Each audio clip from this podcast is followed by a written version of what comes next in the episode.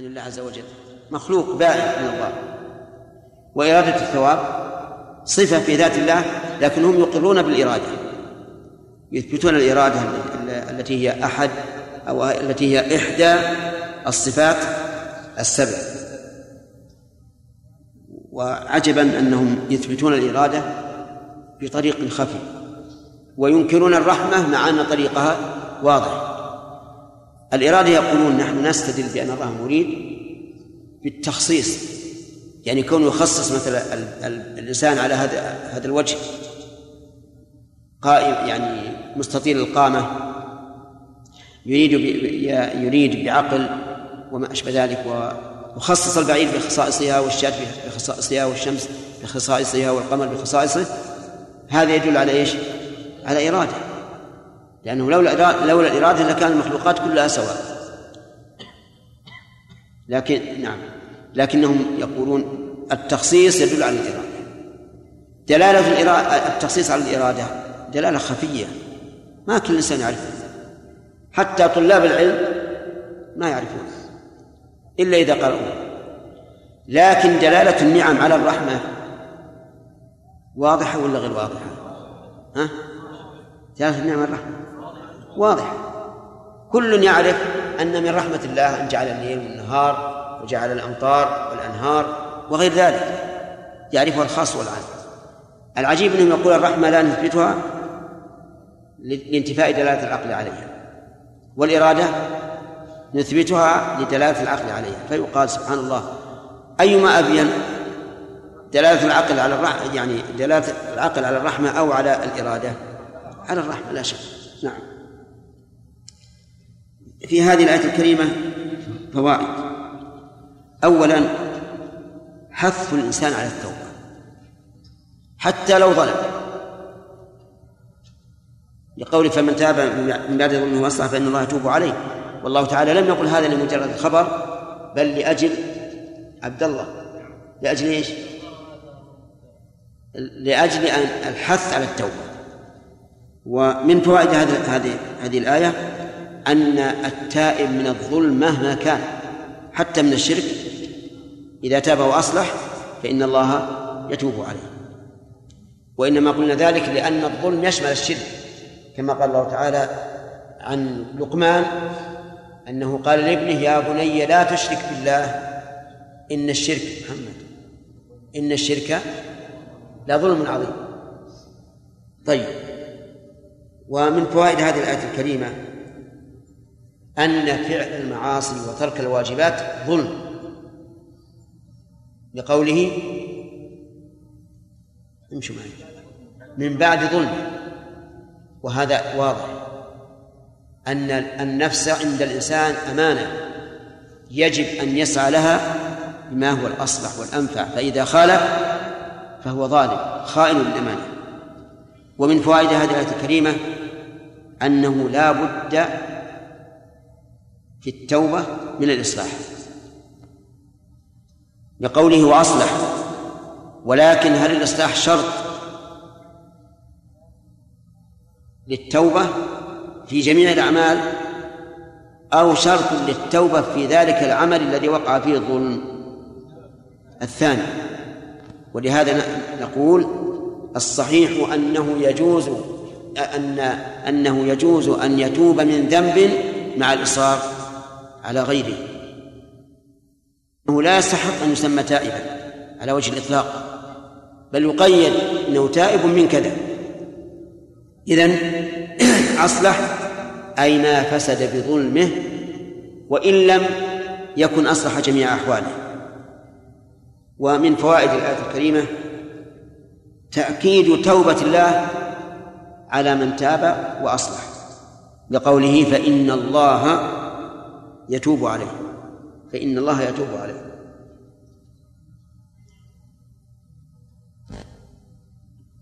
وقد مر علينا شروط التوبة قريبا وأنها خمسة. طيب. ومن فوائد هذه الآية الكريمة بلاغة القرآن الكريم حيث يختم الأحكام بما يناسبها من أسماء الله. لقوله إن الله غفور رحيم. ومن فوائد من فوائدها إثبات هذين الاسمين الكريمين لله عز وجل. غفور رحيم. ثم قال الله تعالى ألم تعلم أن الله له ملك السماوات والأرض يعذب من يشاء ويغفر لمن يشاء. ألم تعلم الخطاب؟ لكل من يصح توجه الخطاب إليه. كل من يصح توجه الخطاب إليه فإنه داخل في قوله ألم تعلم. لأن نرى أن خطاب المفرد في القرآن الكريم يشمل كل من يتأتى خطاب. أو كل من أو نقول كل من يصح توجيه الخطاب إليه إلا إذا دل الدليل على أنه خاص بالرسول عليه الصلاة والسلام. فيكون خاصا به فمثلا ألم نشرح لك صدرك؟ من؟ هذا خاص. لكن إذا جاء غير إذا جاء من غير أن يكون هناك دليل على أنه خاص بالرسول فإن القرآن يخاطب كل الناس. فإنه يكون فإنه يحمل على إيش؟ أنه موجه إلى كل من يصح توجه الخطاب إليه. وقد ذكرنا فيما سبق الخلاف في هذا هل هو موجه للرسول أولا ثم لغيره ثانيا أو لغيره أولا ثم لغيره تأسيا أو لكل من يصح منه الخطاب؟ وهذا هو هو الأولى. ألم تعلم أيها المخاطب أن الله له ملك السماوات والأرض؟ وأتى بهذه الآية في مكانها اللائق لأن ما سبق كل في إقامة حدود. فلعل النفس تقول لماذا هذه الشدة؟ لماذا هذه الغلظة؟ فقال الله عز وجل ألم تعلم أن الله له ملك السماوات والأرض؟ والاستفهام والاستفهام هنا والاستفهام هنا ليش؟ للتقرير. له ملك السماوات والأرض وإذا كان له ملك السماوات والأرض فإنه يحكم بما شاء ويفعل ما شاء. ولهذا قال يعذب من يشاء. ويغفر لمن يشاء. في هذه الآية قدم التعذيب على المغفرة. في آية أخرى ها؟ قدم المغفرة على التعذيب. والمناسبة واضحة لأن هنا الكلام على إيش؟ على الحدود والعقوبات. فناسب أن يقدم التعذيب على المغفرة. وقوله عز وجل يعذب من يشاء. لا تظن أن الله إذا قال يفعل ما يشاء يحكم ما يشاء يحكم ما يريد. لا تظن أن الأمر على غير حكمة. بل يعذب من يشاء إذا اقتضت الحكمة تعذيبه ويغفر لمن يشاء إذا اقتضت الحكمة أن يغفر الله له. ولهذا قال الله عز وجل لمن شاء منكم أن يستقيم. نعم. قال الله تعالى وما تشاءون إلا أن يشاء الله إن الله كان عليما حكيما. وقوله والله على كل شيء قدير ختم به هذه الآية ومن قدرته عز وجل أن أمر بعقوبة الجنات على الوجه المذكور. القدرة هي فعل الشيء بدون عجز. فالله تبارك وتعالى يفعل ما يشاء بدون عجز. قال الله تعالى وما كان الله ليعجزه من شيء في السماوات ولا في الأرض إنه كان عليما قديرا. فهو سبحانه وتعالى لا يعجزه شيء. القوة وش ضدها؟ الضعف. نعم.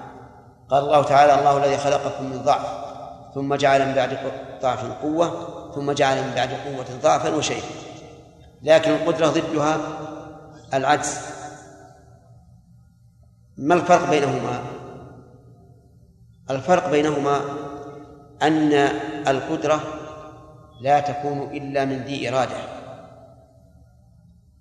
والقوة تكون من ذي الإرادة وغيره.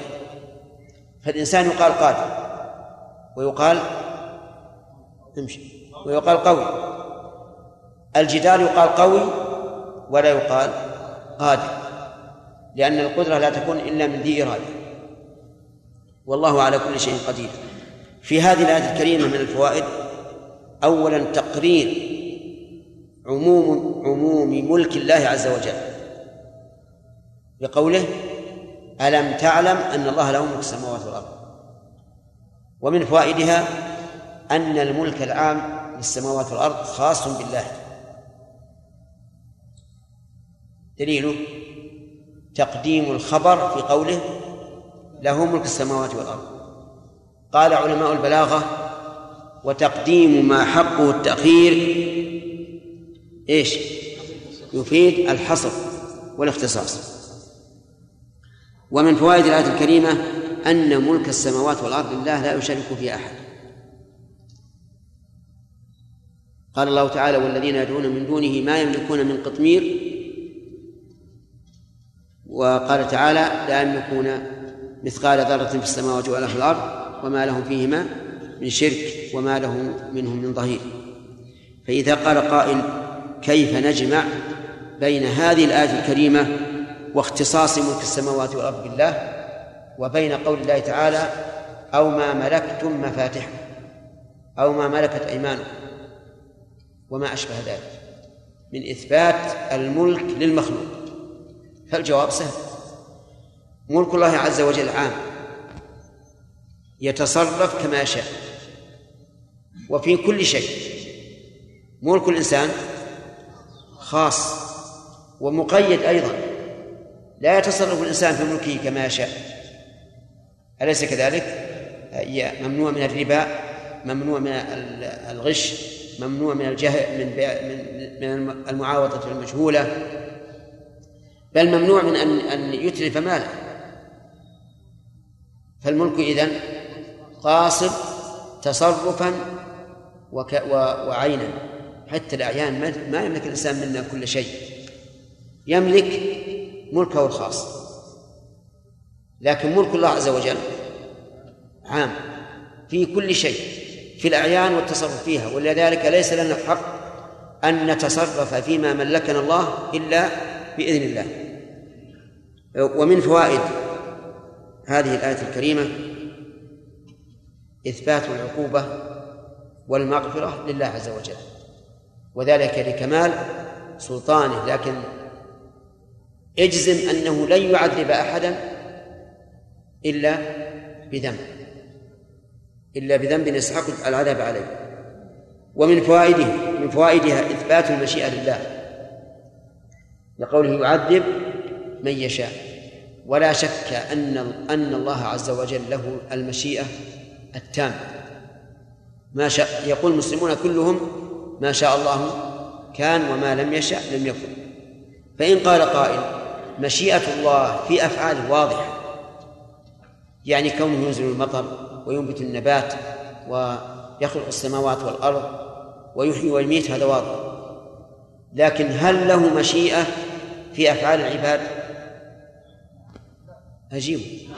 نعم له مشيئة في أفعال العباد. قال الله تبارك وتعالى ولو شاء الله ما اقتتل الذين من بعدهم من بعد ما جاءتهم البينات ولكن اختلفوا فمنهم من آمن ومنهم من كفر. ولو شاء الله ما اقتتلوا كررها مرتين ليبين أن أن فعلهم بمشيئة الله عز وجل. ومن فوائد الآية الكريمة إثبات قدرة الله عز وجل على كل شيء.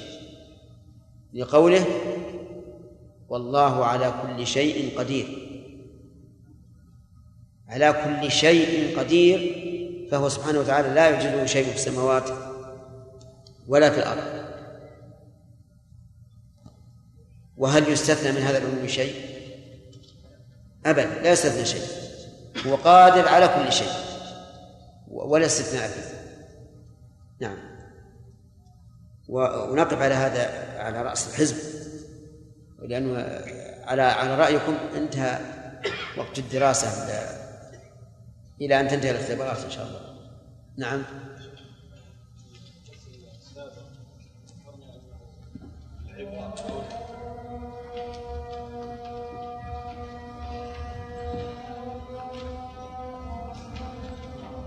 الله أكبر.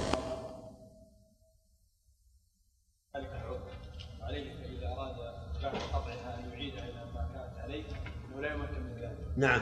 إذا كان آه، العبرة في حد الزاني وهو الرجل إتلاف نفسه وقتله وورد في بعض الحديث بعض حديث ماعز أنه لما أراد الخروج وبلغ النبي صلى الله عليه وسلم ذلك قال هل لك تركتموه كتاب كتاب الله عليه إذا قال نعم. قائل لو قطعت يده ثم أراد أن يعيده يعيده. ما يعيد. إذا عاد ما صار له فائدة.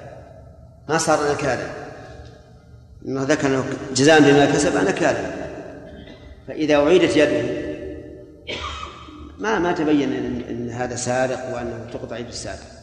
فلم تكن نكالا أما قصة ماعز فقد تركتموه يتوب فيتوب الله عليه.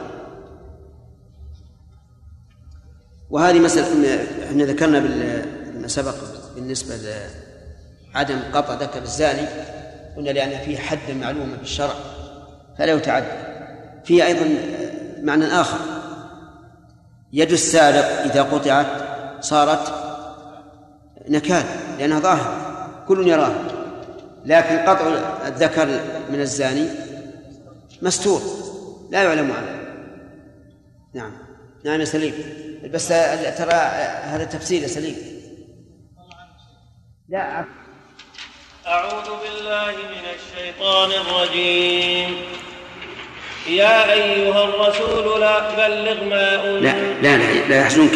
يا أيها الرسول لا يحزنك الذين يسارعون في الكفر من الذين قالوا آمنا بأفواههم ولم تؤمن قلوبهم.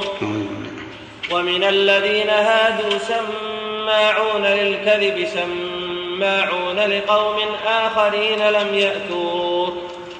يحرفون الكلم من بعد مواضعه يقولون إن أوتيتم هذا فخذوه وإن لم تؤتوه فاحذروا. ومن يرد الله فتنته فلن تملك له من الله شيئا. أولئك الذين لم يرد الله أن يطهر قلوبهم. لهم في الدنيا خزي ولهم في الآخرة عذاب عظيم. بسم الله الرحمن الرحيم. هذه أول ليلة نبتدئ بها تفسير كتاب الله عز وجل بعد غياب طال وبما أن معنا الآن إخوان وبأن وبما أن معنا الآن إخوانا لم يكونوا حضروا من أول دراسة. فإننا نحب أن نلقي شيئا من الأضواء على ما يتعلق بتفسير كتاب الله عز وجل. فنقول أولا آه، معرفة تفسير كتاب الله فرض. فرض إما فرض كفاية وإما فرض عين. وعلى هذا فمن قام بمعرفة تفسير القرآن الكريم فإنه قد قام بفريضة من فرائض الله عز وجل. ووجه كونها فرض كون كون التفسير فرضا أن الله تعالى قال كتاب أنزلناه إليك مبارك ليدبروا آياته. وقال أفلا يتدبرون القرآن أم على قلوب أقفالها؟ ومن المعلوم أن الله تعالى لم ينزل علينا القرآن لمجرد أن نتعبد بلفظه بل لنعرف معناه ونطبقه عملا وعلما وإلا لكانت فائدته قليلة لو كان المقصود مجرد أن نتعبد الله بتلاوته. وقد كان الصحابة رضي الله عنهم لا يتجاوزون عشر آيات حتى يتعلموها وما فيها من العلم والعمل. فإذا قال قائل إلى أي شيء نرجع في التفسير؟ كتب التفسير كثيرة وتناولها للقرآن على وجوه متنوعة فإلى أيها نرجع؟ نقول أهم ما أهم شيء نلاحظ في هذا ما يتعلق بالعقيدة ما يتعلق بالعقيدة وعلى هذا فنحذر من كل من ينحى منحى أهل التعطيل في صفات الله عز وجل وأسمائه. فإذا عرف أن هذا التفسير من هؤلاء القوم فلنحذره حتى وإن كان فيه فوائد من الناحية اللغوية أو الفقهية لكن يجب أن نحذره في مقام إيش؟ العقيدة لئلا نزل. ولنضرب لها مثلا ولنضرب لهذا مثلا. الكشاف للزمخشري. لا شك أنه تفسير جيد في تحليل المعاني وفي ما يرمي إلى البلاغة وأن كل من كانوا بعده ممن ينهجون هذا المنهج كلهم عيال عليه حتى إنك لترى العبارة عبارة الزمخشري بنصها وفصلها فيها في هذه التفاسير لكنه في مسألة العقيدة سيء يجب الحذر منه. حتى قال بعضهم إنه لا يطلع على ما في كتابه هذا من الاعتزال إلا بالمناقيش. يعني أنه خفي. كما أن الشوكة لا تخرج إلا بالنقاش كذلك لا يمكن أن يخرج الإنسان اعتزاليات صاحب الكشاف إلا بالمناقيش. وضرب بين هذا مثلا قال إنه قال عفى الله عنا وعنه إنه قال في قوله تعالى فمن زحزح عن النار وأدخل الجنة فقد فاز. قال أي فوز أعظم من أن يزحزح الإنسان عن النار ويدخل الجنة؟ الكلام هذا هل أحد يشعر بأن فيه انحرافا؟ نعم قد لا يشعر بأن فيه انحرافا لكن إذا علمنا أن الرجل ذكي وأنه يغلف المعاني بما يخفى بما يخفى على كثير من الناس فهو يريد بهذا أن ينكر الرؤية رؤية الرب عز وجل لأن رؤية الرب عز وجل أعظم فوزا من أن يدخل الإنسان الجنة ويزحزح عن النار. لكن الرجل ذكي. فمثل هذه العبارة يقرأها الإنسان على أنها عبارة سليمة ليس فيها شيء ولكنها ولكن ظاهره فيها الرحمة وباطنه من قبله العذاب. طيب. إذن على أي تفسير نعتمد؟ نقول أولا أن أن التفاسير الأثرية أي التي تفسر القرآن بالأثر عن الصحابة وعن كبار التابعين هي أولى ما يلتفت إليه. وعلى رأسها تفسير ابن جرير. لكن في تفسير ابن جرير آفة وهو أنه يطلق التفسير عن الصحابة والتابعين بأسانيد بعضها صحيح وبعضها حسن. وبعضها ضعيف.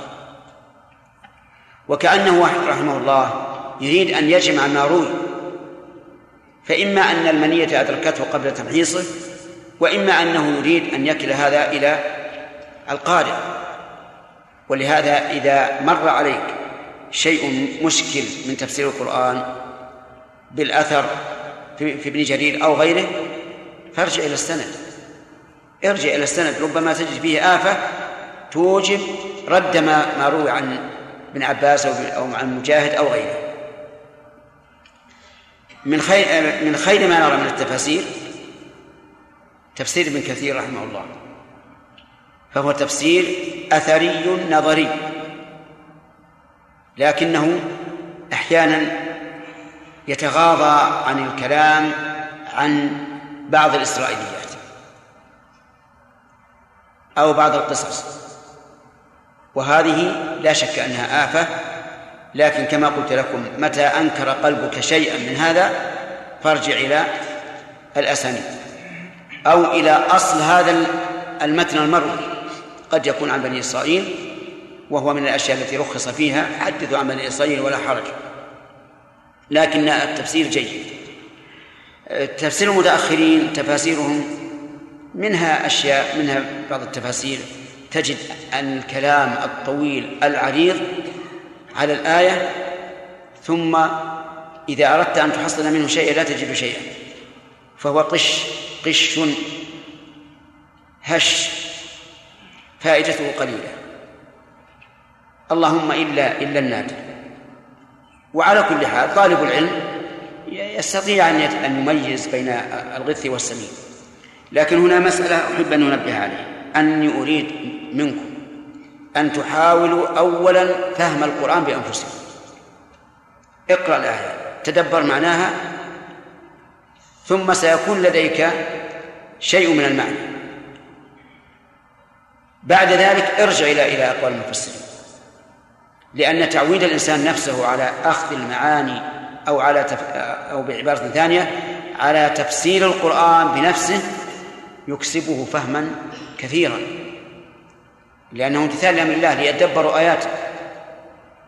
لكن لا تجزم إذا كان الأمر ليس بواضح إلا بعد مراجعة كتب التفاسير. ومن المفسرين من ينحى منحا آخر كمسائل فقهية مثل القرطبي رحمه الله فإنه ينحى هذا المنحى تجد تفسيره مسائل كثيرة من مسائل الفقه وهذا طيب لا شك أنه طيب ويفيد طالب العلم. المسألة الثانية في التفسير. قال العلماء يرجع أولا إلى تفسير القرآن بالقرآن وهذا كثير. ثم إلى تفسيره بالسنة ثم إلى تفسيره بأقوال فقهاء الصحابة ولا سيما من لهم عناية بتفسير القرآن كابن عباس وابن مسعود. ثم إلى كبار التابعين الذين تلقوا التفسير عن الصحابة. فمثلا إذا قال لك قائل ما هي القوة المذكورة في قول الله تعالى وأعدوا لهم ما استطعتم من قوة؟ ننظر في القرآن ما نجد تفسيرا لها. لكن نجد نعم السنة. قال النبي صلى الله عليه وسلم ألا إن القوة الرمي ألا إن القوة الرمي. إذا نفسر القوة بأنها الرمي أي تعلم الرمي. والرمي في كل زمان ومكان بحسبه. كان الناس بالأول يرمون بإيش؟ بالنبال وما أشبهه ثم صاروا يرمون بالبارود بالبنادق بالرصاص. ثم صاروا الآن يرمون بالصواريخ. قريبة المدى وبعيدة المدى. والقوة والرمي الذي قاله الرسول عليه الصلاة والسلام يشمل أي رمي يكون. حسب أساليب الحرب التي في في وقته. كذلك لو قال لك قائل ما هو يوم الدين؟ ما هو يوم الدين؟ ننظر القرآن فسره.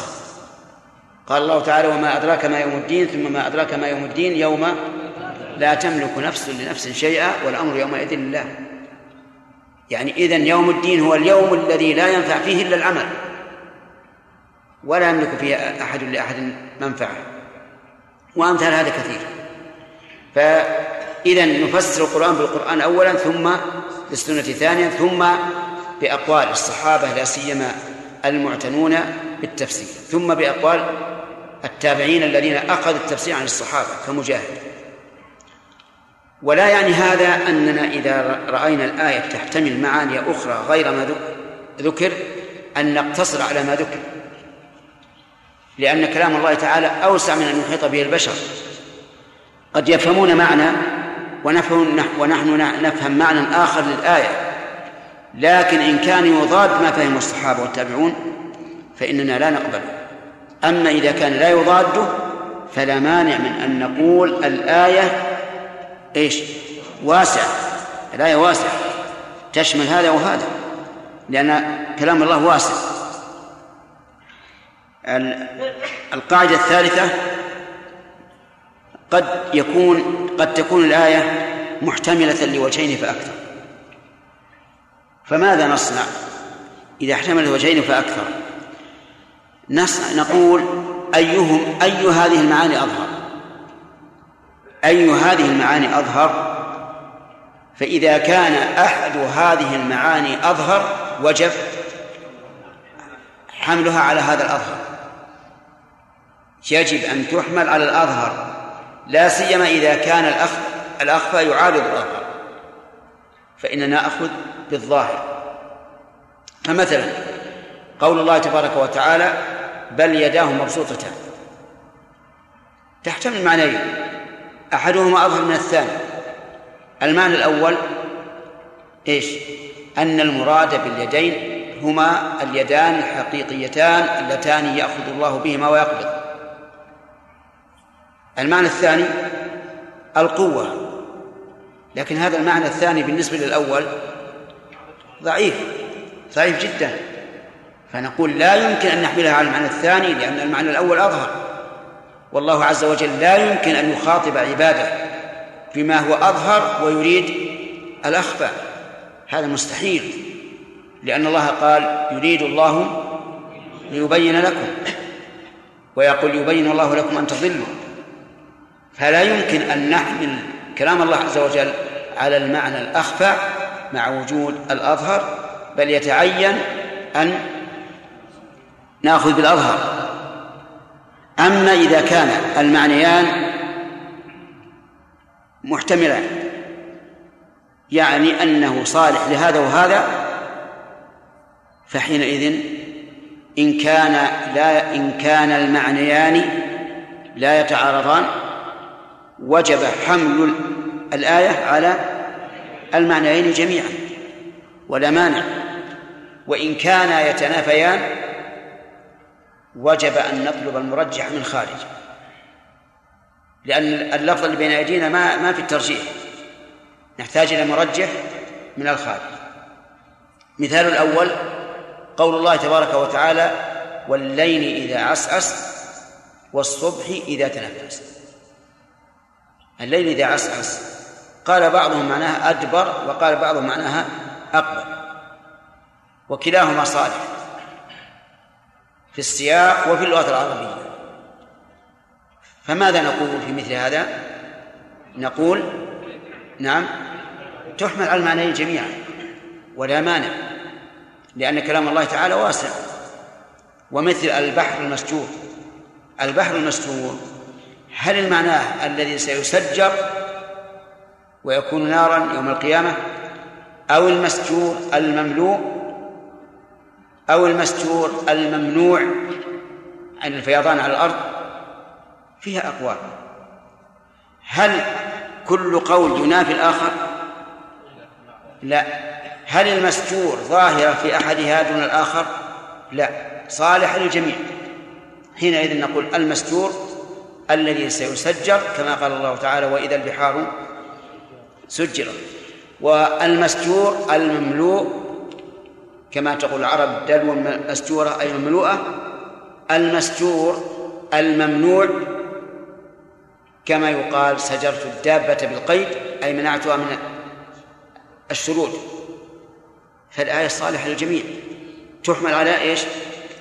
على الجميع. ولا مانع لأن كلام الله عز وجل كما قلت لكم واسع. طيب. مثال الثاني مثال آخر قول الله تبارك وتعالى والمطلقات يتربصن بأنفسهن ثلاثة قروء يرى بعض العلماء أن المراد بالقروء الأطهار ويرى آخرون أن المراد بالقروء الحيض. هذان المعنيان لا يمكن أن تحمل الآية عليهما جميعا. لأنهما إيش؟ متنافيان. لأنهما متنافيان. إذا لابد من مرجح خارجي. ومرجح خارجي. المرجح الخارجي إما من السنة أو من كلام العرب أو من غير ذلك. المهم لابد من مرجح. إذا رجعنا إلى المرجح الخارجي وجدنا أن النبي صلى الله عليه وسلم أطلق الأقراء على الحيض. فقال للمستحاضة اجلسي قدر ما تحبسك أقراؤك أو كلمة نحوها. فهنا نقول المراد بالقروء إيش؟ الحيض يتعين ذلك لدلالة السنة على هذا. وهذه قاعدة مفيدة لطالب العلم. أنه متى احتملت الآية معنيين فأكثر ولا من ولا مرجح لأحدهما ولا منافاة بينهما فإنها تحمل على عليهما جميعا. كذلك أيضا القاعدة الرابعة في التفسير. هل يجوز للإنسان أن يفسر القرآن برأيه أو لا يجوز؟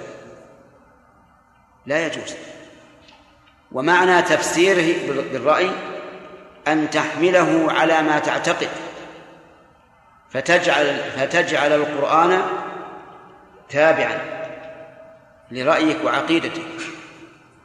وهذا يقع كثيرا في أهل الأهواء.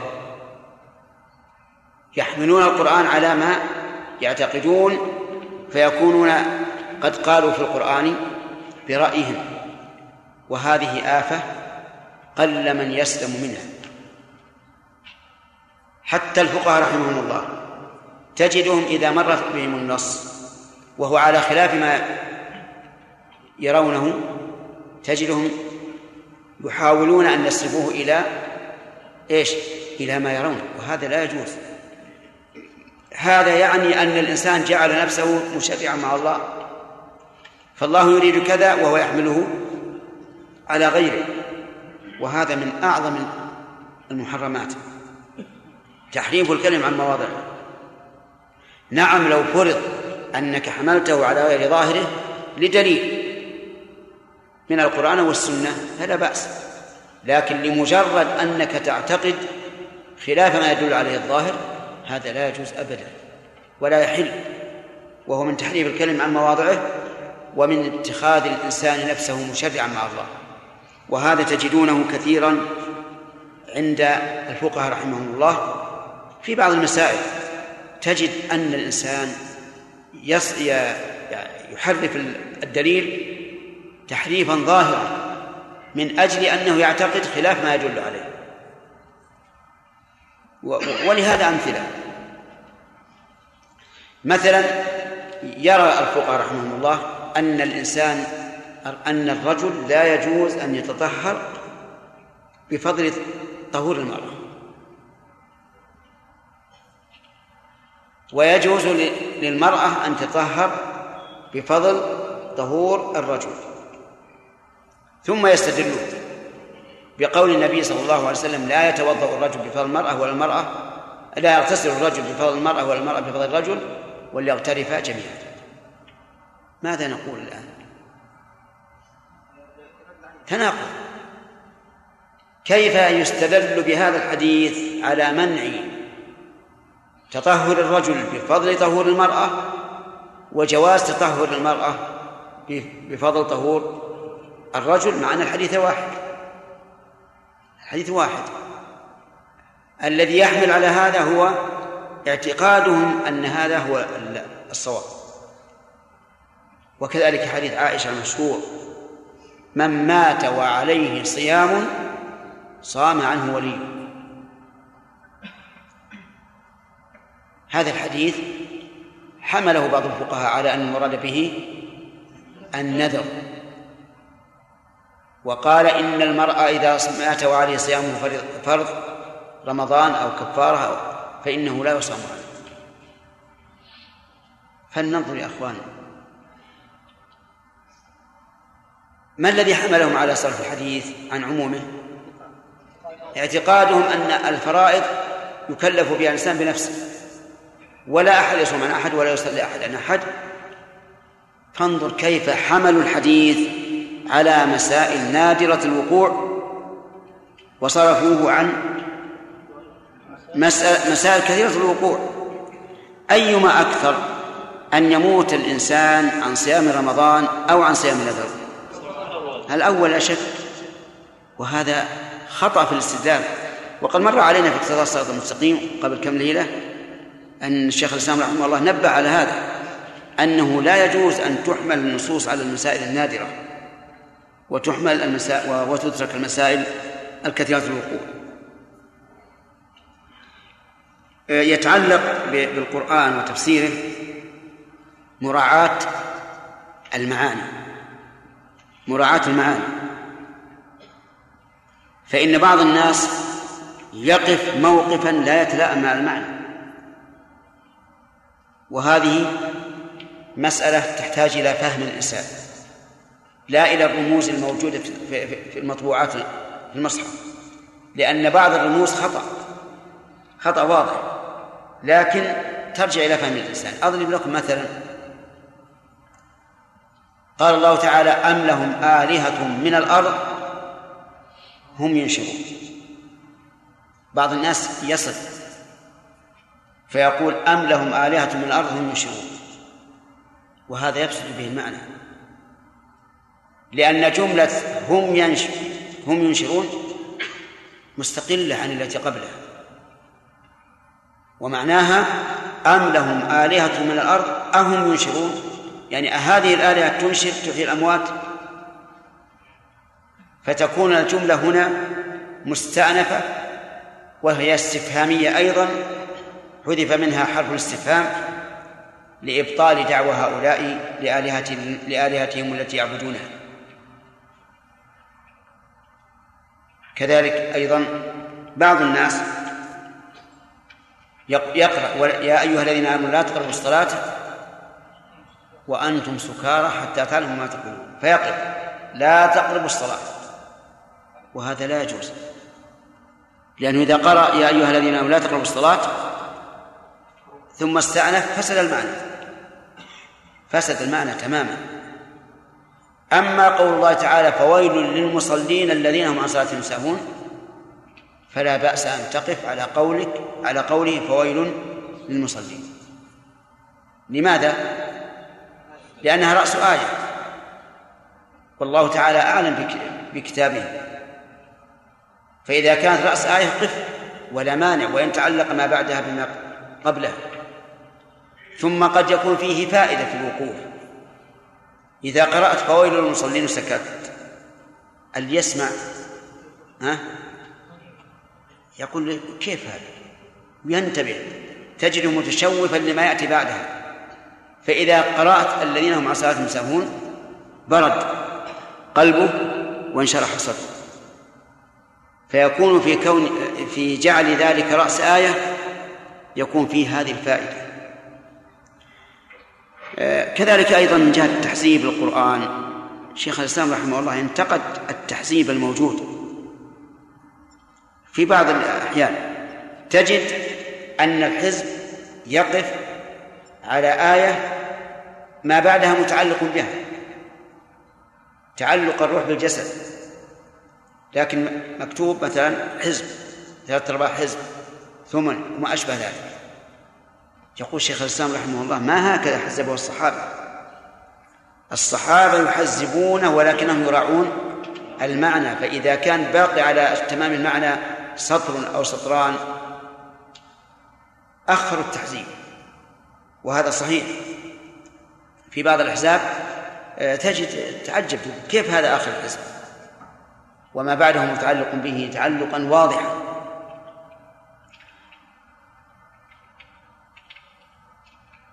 هذا ما يحضرني الآن من الكلام على شيء من قواعد التفسير وقد ألفنا كتاب صغير في قواعد التفسير موجود في المعاهد يدرس فمن شاء فليرجع إليه. نعم. بارك الله فيكم فهم الإنسان الآية هل لابد من هذا الترتيب؟ يرجع أول القرآن؟ وشلون؟ شلون؟ شلون؟ إذا أراد الإنسان فهم آية. نعم.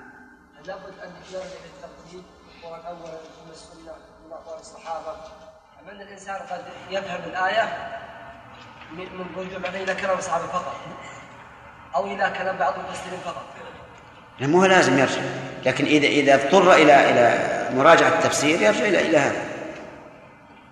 ولكن إذا كان فهم من أصله ما يحتاج إلى الرجوع. فمثلا إذا قال قائل كيف أتوضأ؟ هذا واضح في الآية. يا أيها الذين آمنوا إذا قمتم من الصلاة فأصلوا وجوهكم وأيديكم من المرافق. ما حاجة أرجع إلى التفسير. إذا شيخ متى يعني مقال العلماء بهذا الترتيب؟ نعم. متى نرجع إليه؟ ها عند عند الاختلاف. عند الاختلاف لا بد أن نرجع إلى إلى تفسير القرآن بالقرآن ثم بالسنة ثم بأقوال الصحابة ثم بأقوال التابعين. ها؟ ما في معنى لا هذا هذا عام. هذا كاللقاء المفتوح.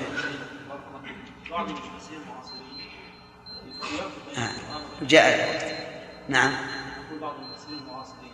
يربط بين آيات القرآن وبين الاكتشافات العصريه نعم بعض المعاصرين الآن يحاول أن يربط الاكتشافات العصرية بالقرآن لكن بعضهم يتجاوز ويفرط في هذا. ويفسر القرآن بما يطابق الحاضر وهو بعيد عنه. لكن إذا كان المعنى قريب فلا بأس. مثلا أنا رأيت بعض الناس أول ما قيل إنهم وصلوا إلى القمر. صار يدندن على تفسير قول الله تبارك وتعالى يا معشر الجن والإنس إن استطعتم أن تنفذوا من أقطار السماوات والأرض فانفذوا. لا تنفذون إلا بسلطان.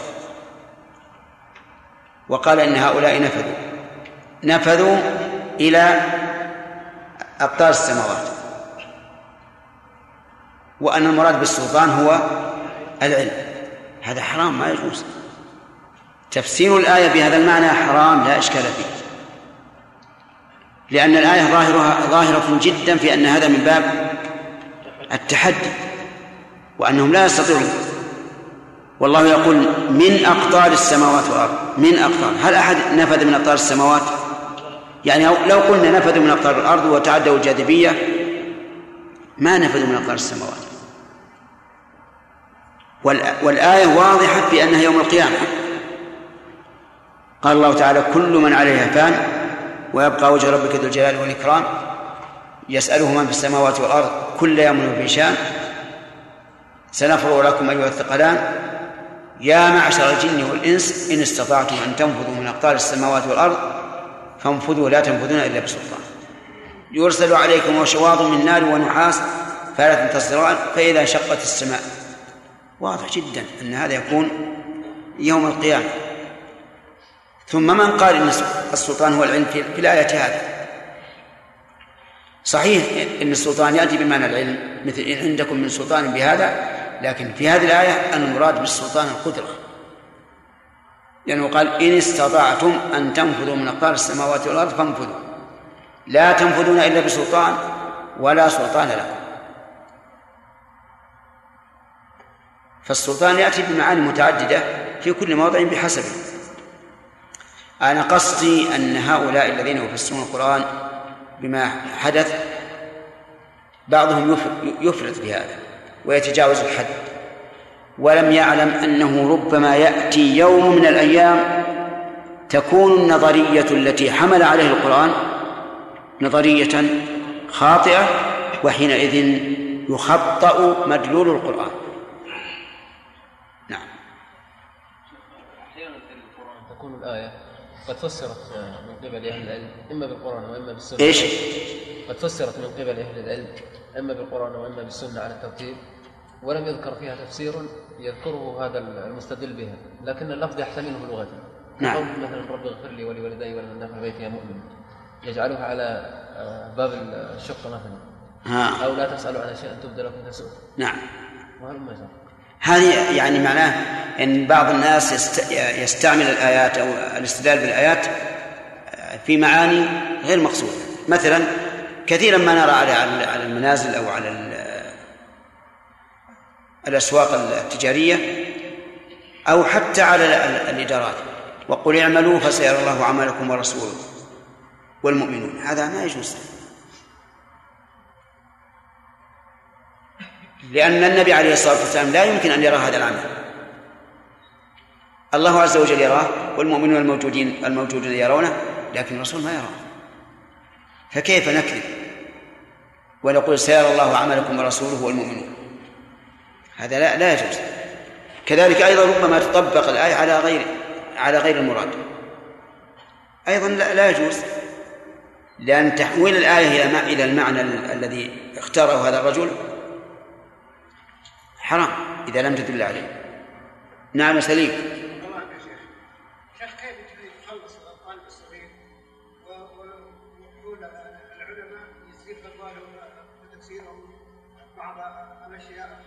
اي والله هذا صحيح إنه فيها أشكال. يعني مثلا لو نقول لو رجع الإنسان مثلا إلى تفسير الزمخشري وأعجبه بلاغته وحسن أسلوبه ولكنه صغير ما يعرف لا بد من أن ينبه على هذا.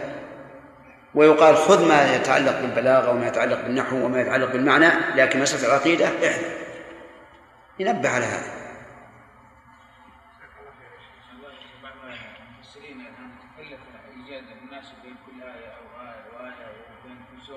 أي نعم. يعني المناسبة بين الآيات حقيقة أنها من من علم التفسير. وينبغي الإنسان إذا أمكن أن يعرف المناسبة بين الآية والآية التي قبلها. لكن المبالغة في هذا والتكلف لا لا داعي له. لأن حسبنا أن نقول الله أعلم بمراده. وإذا قال سأل الله أعلم فيما لا يعلم فهذا خير. ولهذا بعض الآيات لا يمكن أن تعرف المناسبة. مثل حافظوا على الصلاة والصلاة الوسطى في سياق المعتدات. هذه ما ما تقدر تعرف المناسبة. وهذه من الحكمة أن يقطع الله تبارك وتعالى أطماع الخلق في أن يحيطوا بكلامه علما.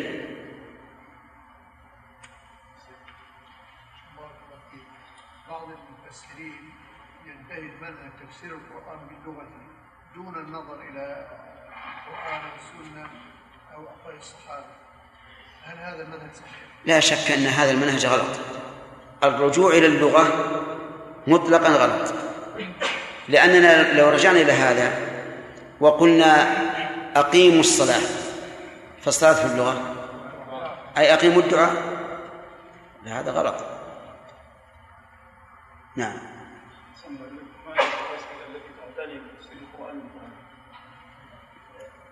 والله حسب حسب الاسم والعنوان آه، كتاب تفسير الشيخ الشنقيطي رحمه الله لأنه معنون بقوله أضواء البيان في تفسير القرآن بالقرآن نعم وابن كثير لا بأس لكن ما هو ما هو من جنس أضواء البيان نعم قليل من يجيد تفسير إيش؟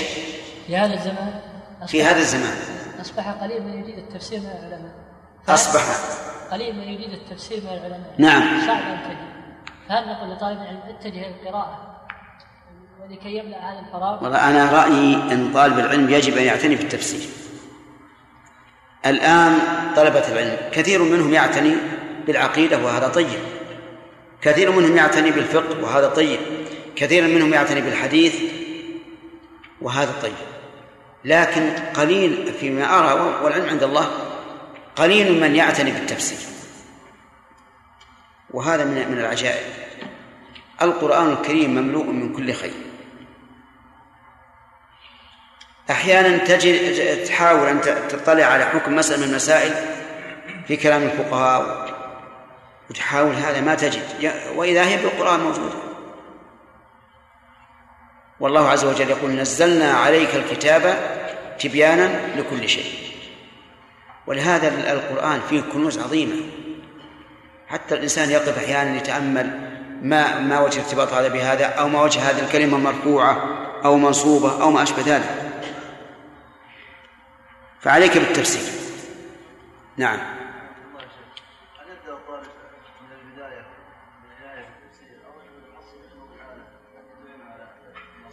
له عاد لا بد أن يخلط هذا وهذا.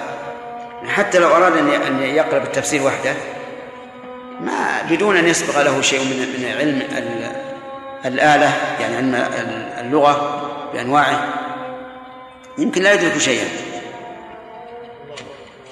الله أكبر.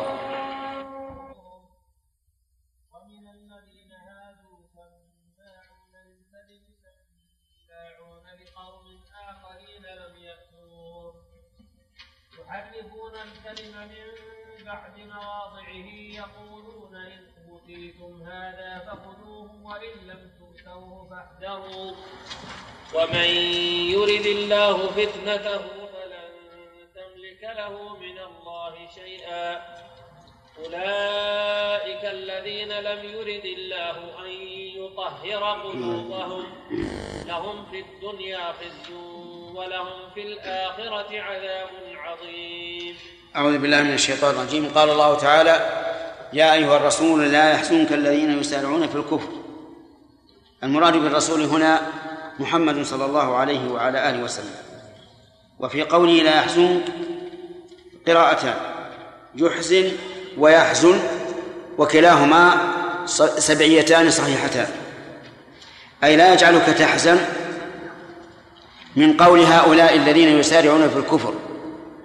يسارعون فيه أي يتسابقون فيه. والكفر هو في اللغة الستر ومنه سمي الكافور أو الكفر الذي هو وعاء طلع النخل لأنه يستر الطلع الذي في جوفه. والمراد بالكفر هنا الكفر بالله عز وجل.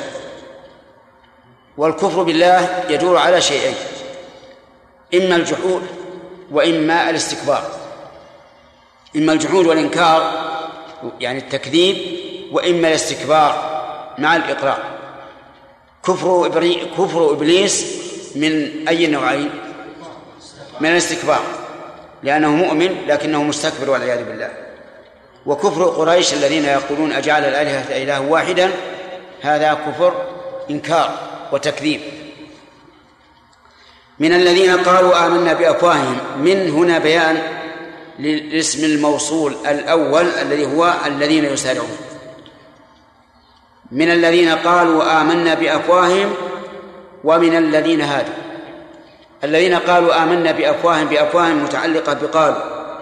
أي قالوا بأفواههم آمنا ولم تؤمن قلوبهم. وهذا الوصف ينطبق تماما على المنافقين. كما قال الله تعالى ومن الناس من يقول آمنا بالله وباليوم الآخر وما هم بمؤمنين. وهؤلاء آه، في الكفر كاليهود والنصارى كما قال تعالى ألم تر إلى الذين نافقوا يقولون لإخوانهم الذين كفروا من أهل الكتاب لئن أخرجتم لنخرجن معكم. يعني اليهود.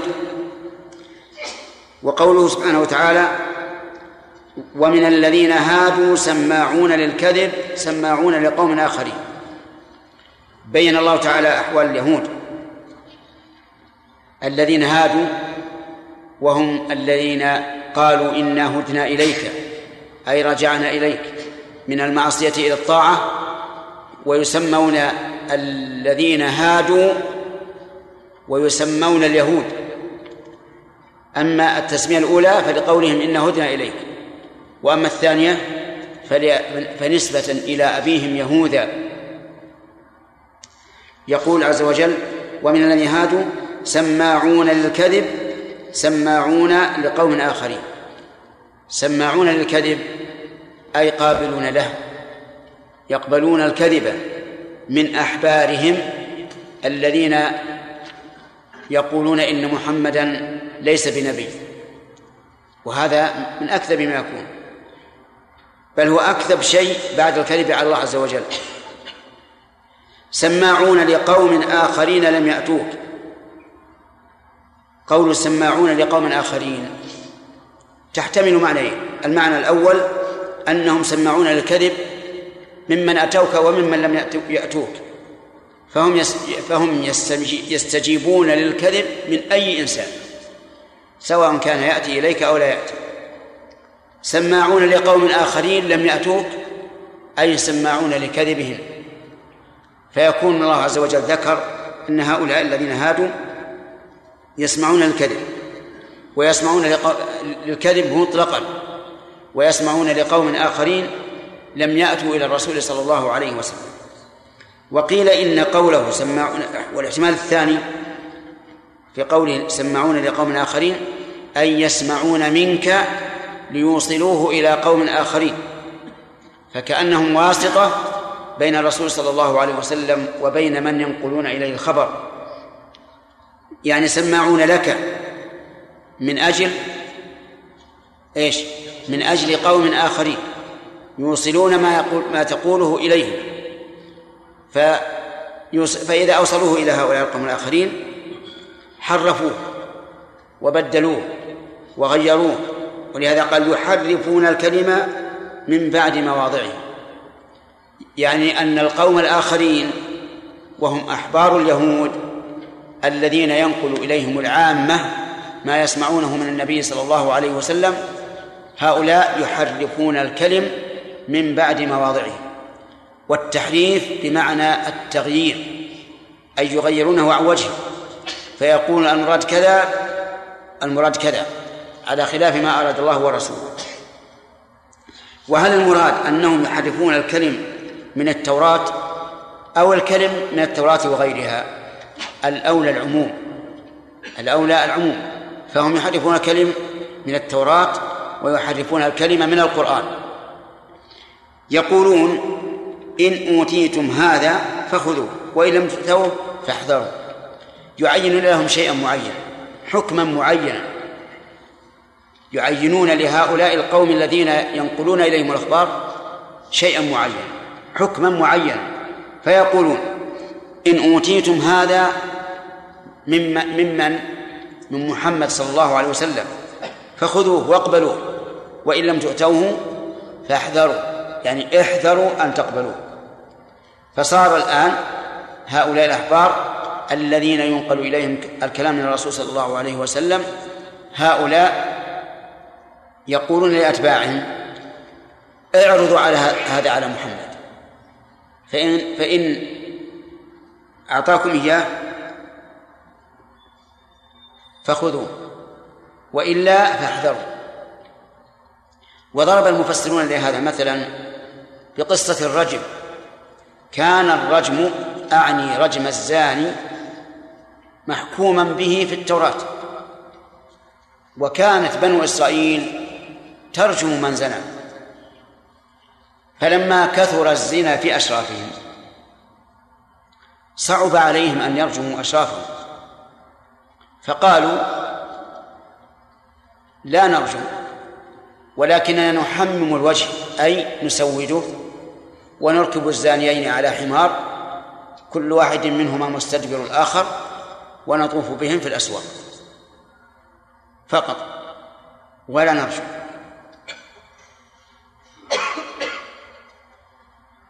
فقدر الله عز وجل أن يزني منهم أي من اليهود رجل وامرأة. فرفعوا الأمر إلى النبي صلى الله عليه وسلم. وقال أحبارهم إن آتاكم محمد هذا يعني إيه؟ تسويد تحميم الوجه والطواف بهم في البلد فخذوه. وإن لم يعطكم وأمر وأمر بالرجم فاحذروا. وهذا مثال وليس حصرا لمعنى الآية بل المراد أنهم يعينون أي الأحبار أحكاما لعامتهم ويقولون إن حكم بها محمد فاقبلوها وإن لم يحكم فاحذروا. يقولون إن نعم يحرفون الكلمة من بعد مواضعه يقولون وتحريفهم الكلم هنا تحريف معنوي بمعنى أنهم جعلوا الرجم منسوخا وأنه لا يجب العمل به. وسنذكر إن شاء الله في الفوائد أن التحريف ينقسم إلى قسمين. قال الله تعالى ومن يرد الله فتنته أي ضلاله فلن تملك له من الله شيئا. وهذا تسلية للرسول عليه الصلاة والسلام. يعني أن الله أن الله إذا أراد فتنة أحد فإنه لا يستطيع أحد من الخلق أن يرد هذه الإرادة بل لا بد أن يقرأ. ولكن هل إرادة الله لفتنة أحد من الناس مبنية على غير حكمة؟ لا بل هي مبنية على حكمة. الحكمة ذكرت في قول الله تبارك وتعالى فلما زاغوا أزاغ الله قلوبهم. إذن هم السبب. فلما علم الله أن ليس في قلوبهم خير خير أزاغها الله. كما قال تعالى يا أيها النبي قل لمن في أيديكم من الأسرى إن يعلم الله في في قلوبكم خيرا يؤتكم خيرا مما أخذ منكم. ويغفر لكم والله غفور رحيم. إذن آه، نقول ومن يرد الله فتنته أي إضلاله فلن تملك له من الله شيئا. هذا في من هو أهل إيش؟ للإضلال. كما قال تعالى فلما زاغوا أزاغ الله قلوبهم. قال الله تعالى أولئك الذين أولئك المشار إليهم هؤلاء اليهود الذين لا يقبلون من الحق إلا ما وافق أهواءهم. إن أوتيتم هذا يعني ما نريد من الحكم فخذوه وإن لم تدعوه فاحذروا أولئك يعني هؤلاء القوم الذين لا يقبلون من الحق إلا ما وافق أهواءهم لم يرد الذين لم يرد الله أن يطهر قلوبهم. والإشارة باسم بما يدل على البعد ليس لرفع شأنهم ولكن لإبعادهم عن الثناء وأن يكونوا على حق. لم يرد الله أن يطهر قلوبهم من أي شيء من الشك والشرك والإلحاد وغير ذلك. وإنما ذكر القلوب لأن القلوب هي محل الصلاح والفساد. قال النبي صلى الله عليه وعلى آله وسلم ألا وإن في الجسد مضغة إذا صلحت صلح الجسد كله وإذا فسدت فسد الجسد كله ألا وهي القلب. لهم في الدنيا خزي أي ذل وعار. وذلهم وعارهم أما من جهة اليهود فبقتالهم والغلبة عليهم.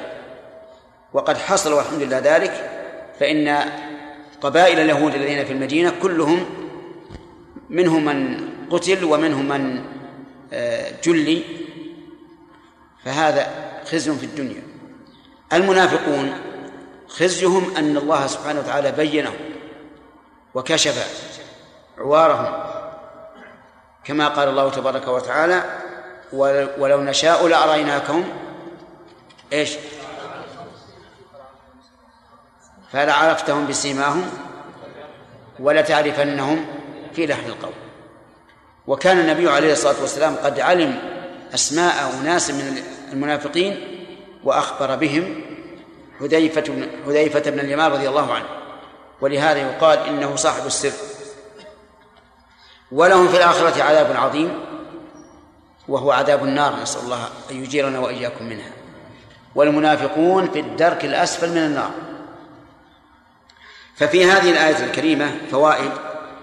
منها الشهادة لمحمد صلى الله عليه وعلى آله وسلم أنه رسول.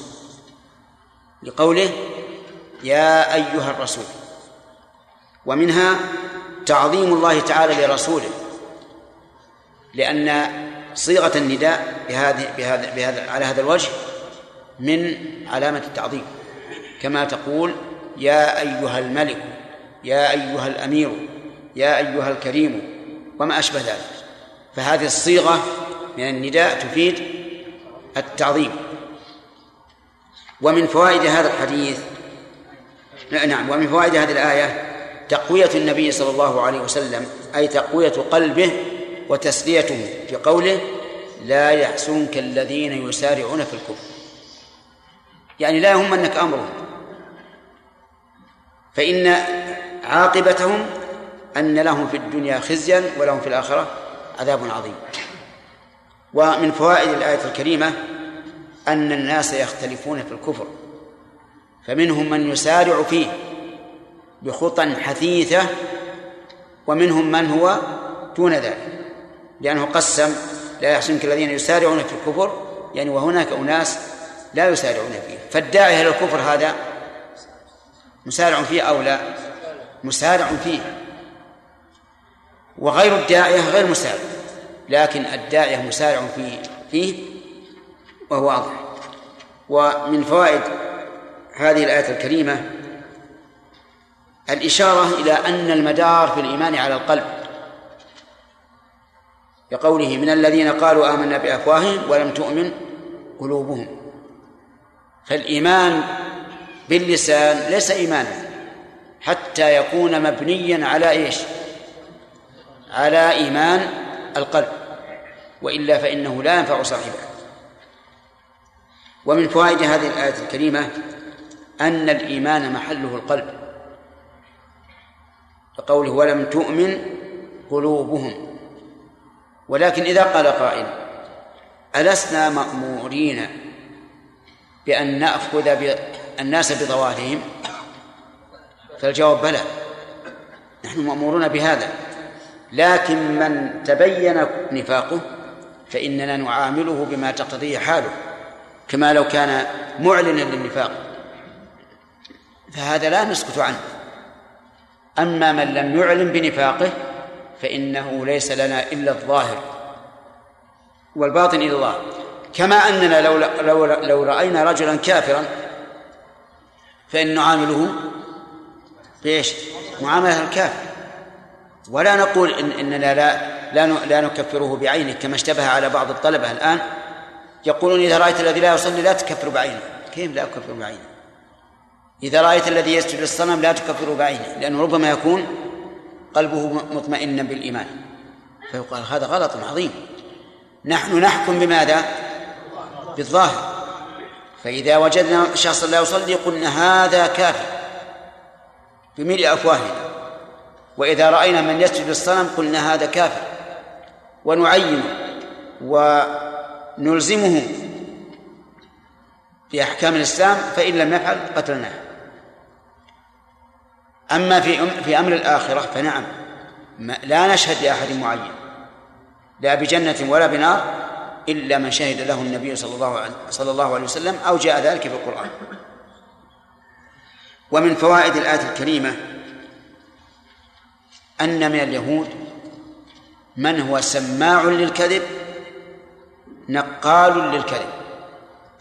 بمعنى أنه يصدق الكذب ولا يتحرى فيه ويقبله وأيضا ينقل الكذب ينقل الكذب. وهذا شيء مشاهد فينبني على هذه الفائدة أن من كان هذه حالة فبه شبه من اليهود. الذي يقبل الكذب ويتحدث به ويأخذه مسلما مشابه لليهود. والذي ينقل الكذب كذلك مشابه لليهود. فمن كذب أو صدق بالكذب فإنه مشابه لليهود بلا شك وهذا يقتضي الحذر من هذا الخلق الذميم. ومن فوائد هذا هذه الآية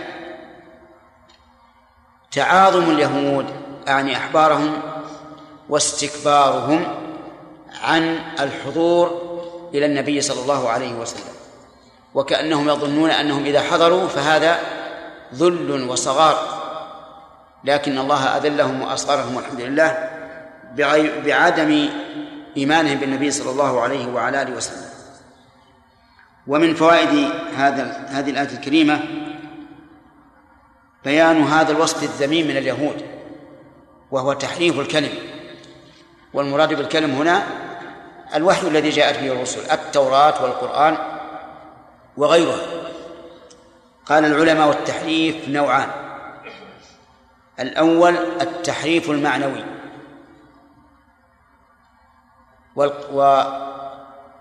والقائلون به كثير. والثاني التحريف اللفظي والقائلون به قليل. أما الأول التحريف المعنوي فهو أن يصرف كلام الله وكلام رسوله صلى الله عليه وسلم إلى غير ما أراد الله ورسوله سواء في الأمور العقدية أو في الأحكام الفقهية. إذا صرف النص عما لا يريد الله ورسوله فإنه محرف للكلم. وهذا كما قلت لكم كثير. الثاني التحريف اللفظي هو أيضا محرم لكنه قليل. وذلك لأن المحرف تحريفا لفظيا إن كان لا يتغير به المعنى فلن يقدم عليه لأنه لا يستفيد. ولكن سوف يظهر الناس عليه حتى العام يرد عليه. وإن كان يتغير به المعنى فقد جمع بين التحريف اللفظي والتحريف المعنوي. فالذي يقول إن الله استوى على العرش لكن معنى استوى استولى. هذا محرف تحريفا معنويا. والذي قرأ وكلم الله موسى تكليما. هذا محرف تحريفا لفظيا ومعنويا. لأنه إذا قال كلم الله موسى تكليما صار الكلام من من موسى. وهذا تحريف معنوي. وإذا نصب لفظ الجلالة فهو تحريف لفظي. والذي يقول الحمد لله رب العالمين. محرف تحريفا لفظيا. لأن المعنى لا يختلف لكن اللفظ يختلف. وكل أنواع التحريف المعنوي واللفظي محرم. ثم إن تعمد الشيء مع علمه بمراد الله ورسوله فهذا قد يصل إلى الكفر والعياذ بالله. لأنه قال على الله ما يعلم أن أن الحق في خلافه. ومن فوائد هذه الآية الكريمة أن التحريف المذموم هو الذي يقع بعد معرفة الإنسان للحق لقوله من بعد مواضعه وفي الآية الأخرى عن مواضعه. فهم يريدون أن أن يزيلوا الكلم عن مواضعه. أما الإنسان الذي تأول بتأويل سائق فإنه لا يذم ولا يعد فعله تحريفا يأثم به. وإن كنا قد نعده تحريفا نأثم به إذا كنا وافقناه ونعلم أنه غير على غير صواب. ومن فوائد هذه هذه الآية الكريمة أن من حرف الكلم عن مواضعه من هذه الأمة ففيه شبه مذنوب ها؟ ففيه شبه باليهود. فيقتضي التحذير من تحريف الكلم عن مواضعه لئلا يقع الإنسان في مشابهة اليهود ومن فوائد هذه هذه الآية الكريمة أن اليهود لا يقبلون من الحق إلا ما وافق أهواءهم. لقوله يقولون إن أوتيتم هذا فخذوه وإن لم تؤتوه فاحذروا. ومن فوائدها ذم أولئك الذين لا يقبلون من الحق إلا ما وافق أهواءهم وإذا لم يوافق أهواءهم ذهبوا يتطلبون الرخص من هذه الأمة. فإن كثيرا من الناس على هذه الموال إذا أفتي بما تطمئن إليه نفسه قبل وإلا ذهب يطلب آخرين يفتونه بما يشتهي. فهذا نقول إن فيه شبها من اليهود. ومن فوائد هذه الآية الكريمة شدة كراهة أحبار اليهود للحق لقوله وإن لم تؤتوه فاحذروا. لم يقل فلا تأخذوه قال فاحذروا وهذا أشد وقعا من قولهم. إيش؟ فلا تأخذوه. إن أوتيتم هذا فخذوه. وكان مقتضى المقابلة أن يقال وإن لم تؤتوه فلا تأخذوه لكنهم قالوا احذروا وهو أشد وقعا من قولهم لا تأخذوه ومن فوائد الآية الكريمة إثبات إرادة الله عز وجل وأنها شاملة حتى لإرادة الإنسان. لقوله ومن يريد الله فتنته فلن تملك له من الله شيئا. واعلم أن الإرادة تنقسم إلى قسمين. إرادة الشرعية وهي التي بمعنى المحبة وإرادة كونية وهي التي بمعنى المشيئة. فهنا من يرد الله فتنته هي إرادة كونية أي من يشاء الله إرادته. نعم. فتنته من يشاء الله فتنته. وفي قول الله تبارك وتعالى والله يريد أن يتوب عليكم. هذه إرادة شرعية. لأنه لو كانت إرادة قدرية لتاب الله على جميع الناس لكنها إرادة شرعية بمعنى أن الله يحب أن يتوب عليه. طيب. إذن الفرق بين الإرادتين من حيث حقيقتيهما أن الإرادة الشرعية بمعنى إهاب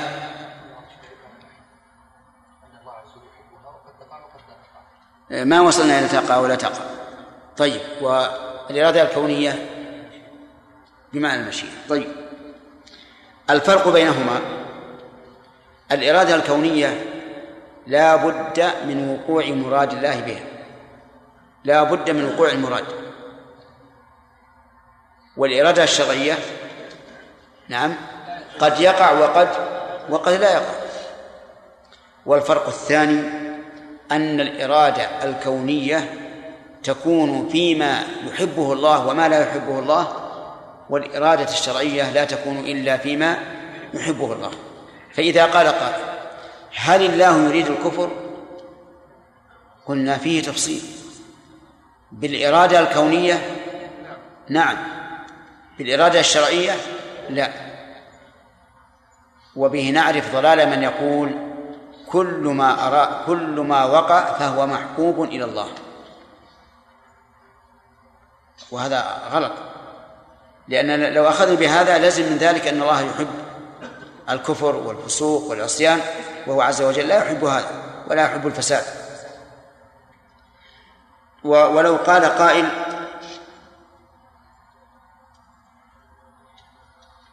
الإيمان. هل هو مراد لله كونا أو شرعا؟ فالجواب إن وقع فهو مراد كونا وشرعا وإن لم يقع فهو مراد شرعا. نعم. ومن فوائد هذه الآية الكريمة أنه لا أحد يملك أن يغير مراد الله. لقوله فلن تملك له من الله شيئا. ومن فوائد الآية الكريمة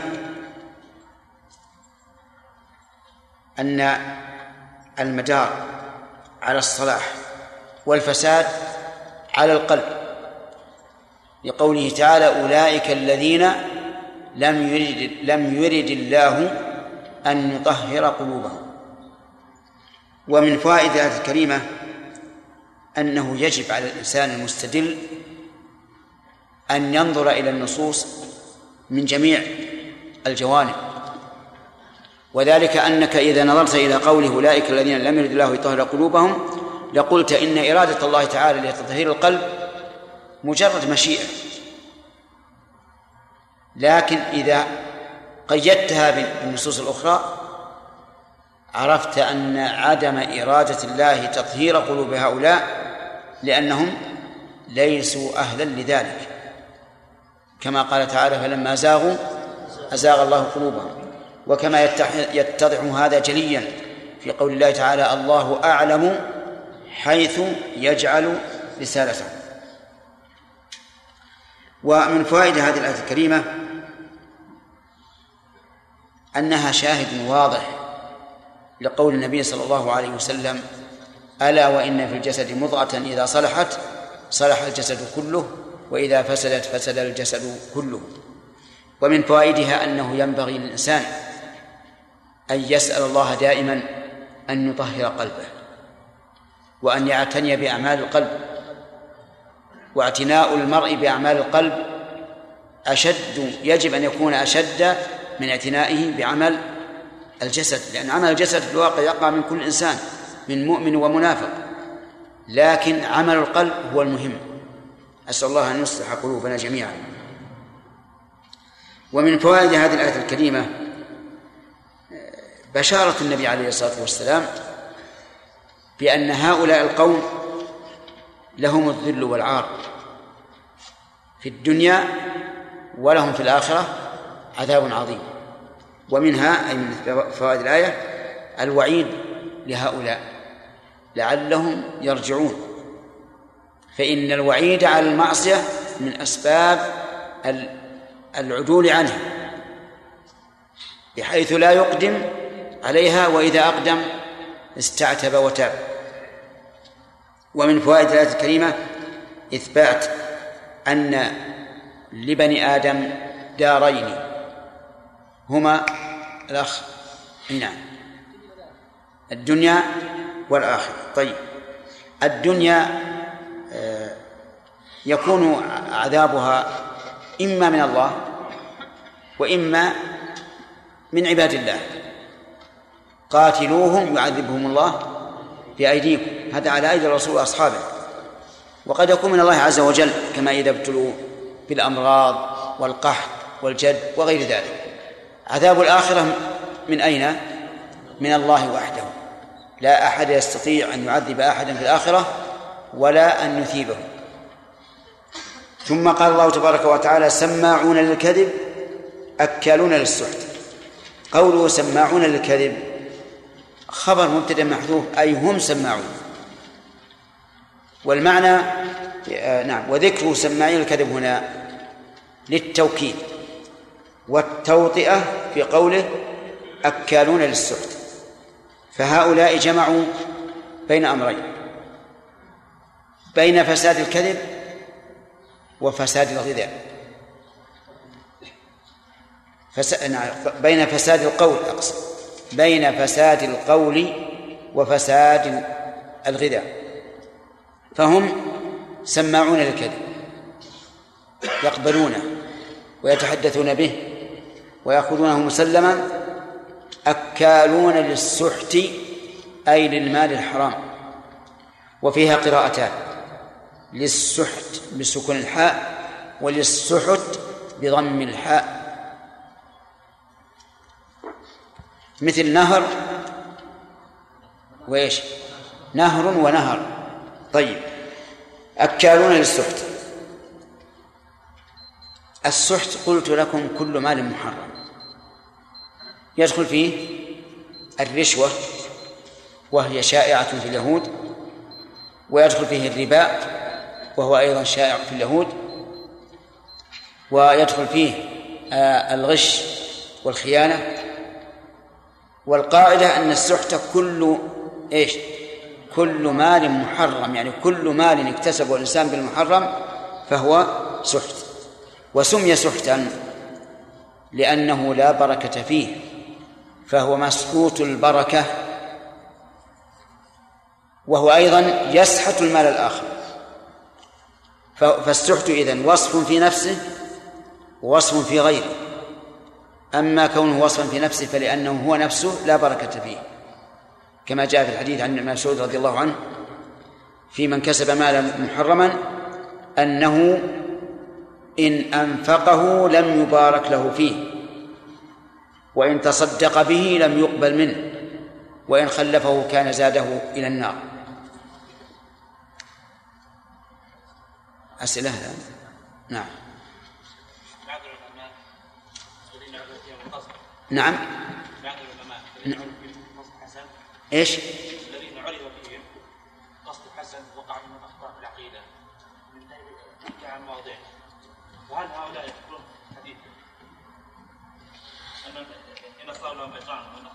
أي نعم. يدخلون في هذا. الصواب أنه لا فرق بين ما يقال عنه إنه أصول أو فروع. ما دام النص يسوغ فيه الاجتهاد وتأوله إنسان فإنه لا لا يقال أن هذا آه، آثم على كل حال. لكن هذا الخطأ الذي ارتكبه وهو ممن عرف بالخير وإرادة الخير هل نتابعه فيه أو لا؟ لا. ولهذا قد يعذر القائل ولا يعذر التابع. نعم. نعم سليم.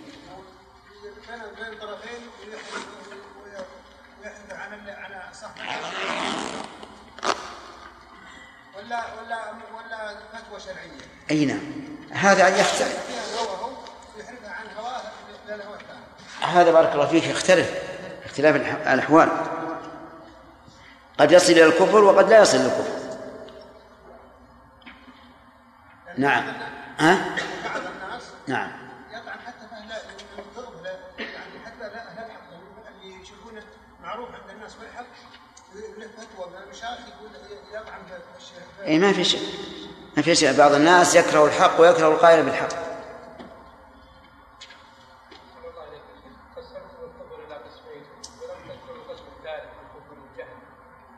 كبر الجهل؟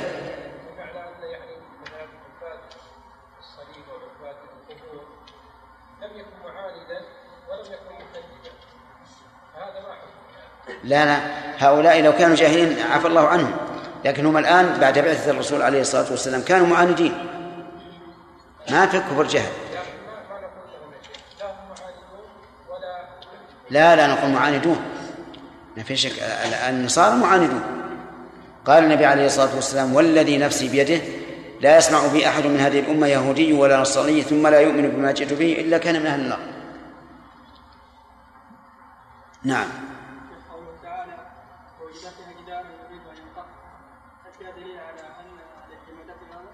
ان على ان إيش؟ على إيش؟ ان.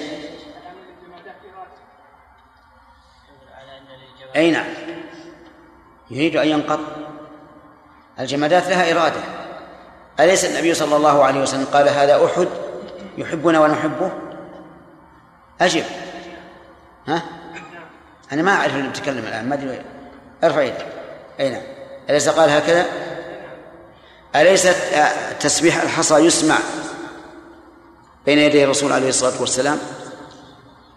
أليس الله يقول تسبح له السماوات السبع والأرض ومن فيهن؟ وإن من شيء لا يسبح بحمده ولكن لا تفقهون تسبيحهم كل هذا يدل على أن الجماد له إرادة. نعم.